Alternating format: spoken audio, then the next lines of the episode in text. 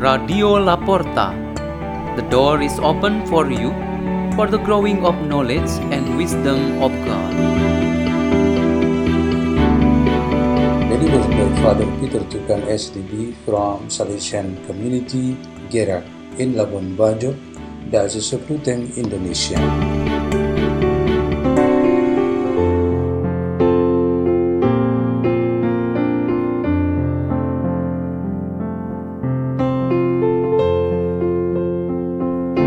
Reading and meditation on the Word of God on Tuesday of the fourth week in Ordinary Time, January 31st, 2023, Feast of Saint John Bosco, Priest.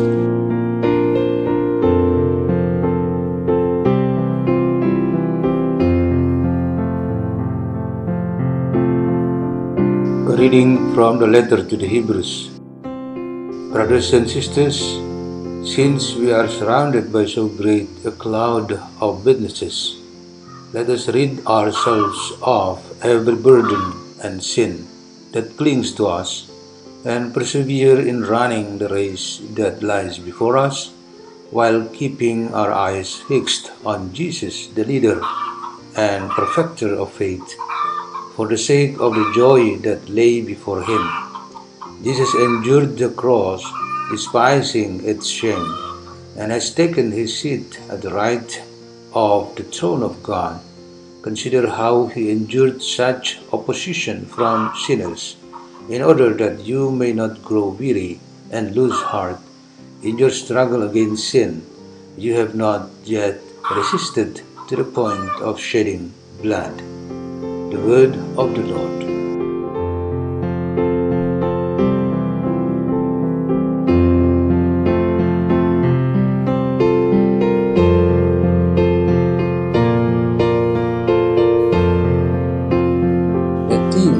Meditation today is Excellent Seeds for God. St. John Bosco was born on August 16, 1815, experienced life in an era of industrial growth in Europe as a direct result of the Industrial Revolution in the 19th century.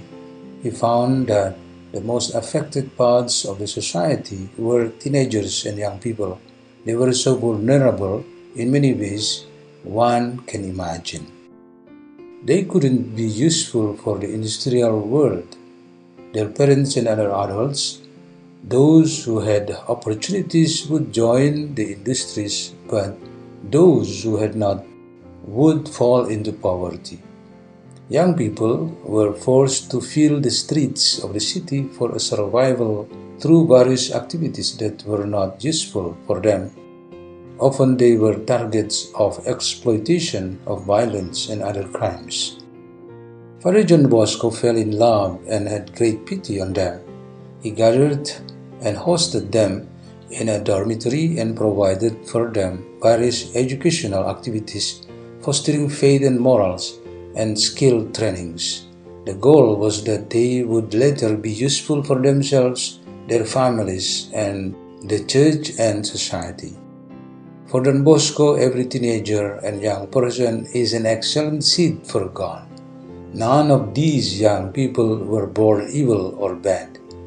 As seeds, they must be given the opportunity and all possibilities to grow and develop. Don Bosco's educational system is very concerned about this. This system is called the preventive system. Don Bosco at that time was very aware that if young people could not be helped to get out of the gripping social problems, they were just as good as being left to die, both their rights to life and their existence. The power of Jesus to bring to life a young person who had died should be an appropriate lesson for us that this life must be preserved, empowered, and given new life. A new life can only be obtained after the old one has been abandoned and must be renewed. Life for us, according to Jesus, is that we must live it out and maintain even though the power of the evil one always disturbs us. What Father John Bosco had done should give us a lesson about being relevant people in our world today. Our task is that through initiative, creativity, and innovation, we can respond to the challenges and needs of people in today's world. We can do this starting with our immediate environment, such as our family, neighbors, office, and church. If we become useful people, we are relevant people. Let's pray. In the name of the Father, and of the Son, and of the Holy Spirit. Amen. O good and heavenly Father, strengthen our faith so that we remain true disciples of Jesus Christ. Glory to the Father, and to the Son, and to the Holy Spirit, as it was in the beginning, is now, and ever shall be, world without end. Amen. In the name of the Father, and of the Son, and of the Holy Spirit. Amen. Radio La Porta. The door is open for you.